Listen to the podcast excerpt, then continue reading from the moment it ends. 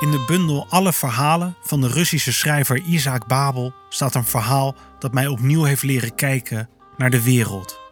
De hoofdpersoon van het verhaal, een jongetje van 13, moet viool leren spelen van zijn ouders, maar hij wil veel liever schrijver worden. Als hij op een dag spijbelt en door de haven van Odessa loopt, komt hij de uitgever van de krant tegen. De jongen geeft hem een treurspel van eigen hand.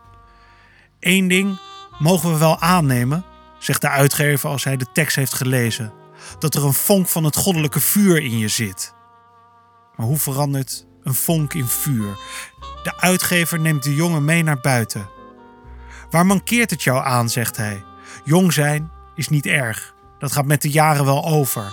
Waar het jou aan mankeert is gevoel voor de natuur. De uitgever wijst met zijn stok op een boom met een roodachtige stam. Wat is dat voor een boom? vraagt hij de schrijver in spe. Hij moet het antwoord schuldig blijven. Wat groeit er aan die heester daar? Wat is dat voor een vogel die daar zingt? De jongen weet het niet. Dan zegt de uitgever: De mens die niet net als een steen of een dier in de natuur weet te leven, zal zijn hele leven lang geen twee regels schrijven die de moeite van het lezen waard zijn. De titel van het verhaal luidt Ontwaken. En het jongetje is natuurlijk Isaac Babel, die zou uitgroeien tot een van de mooiste stemmen in de literatuur.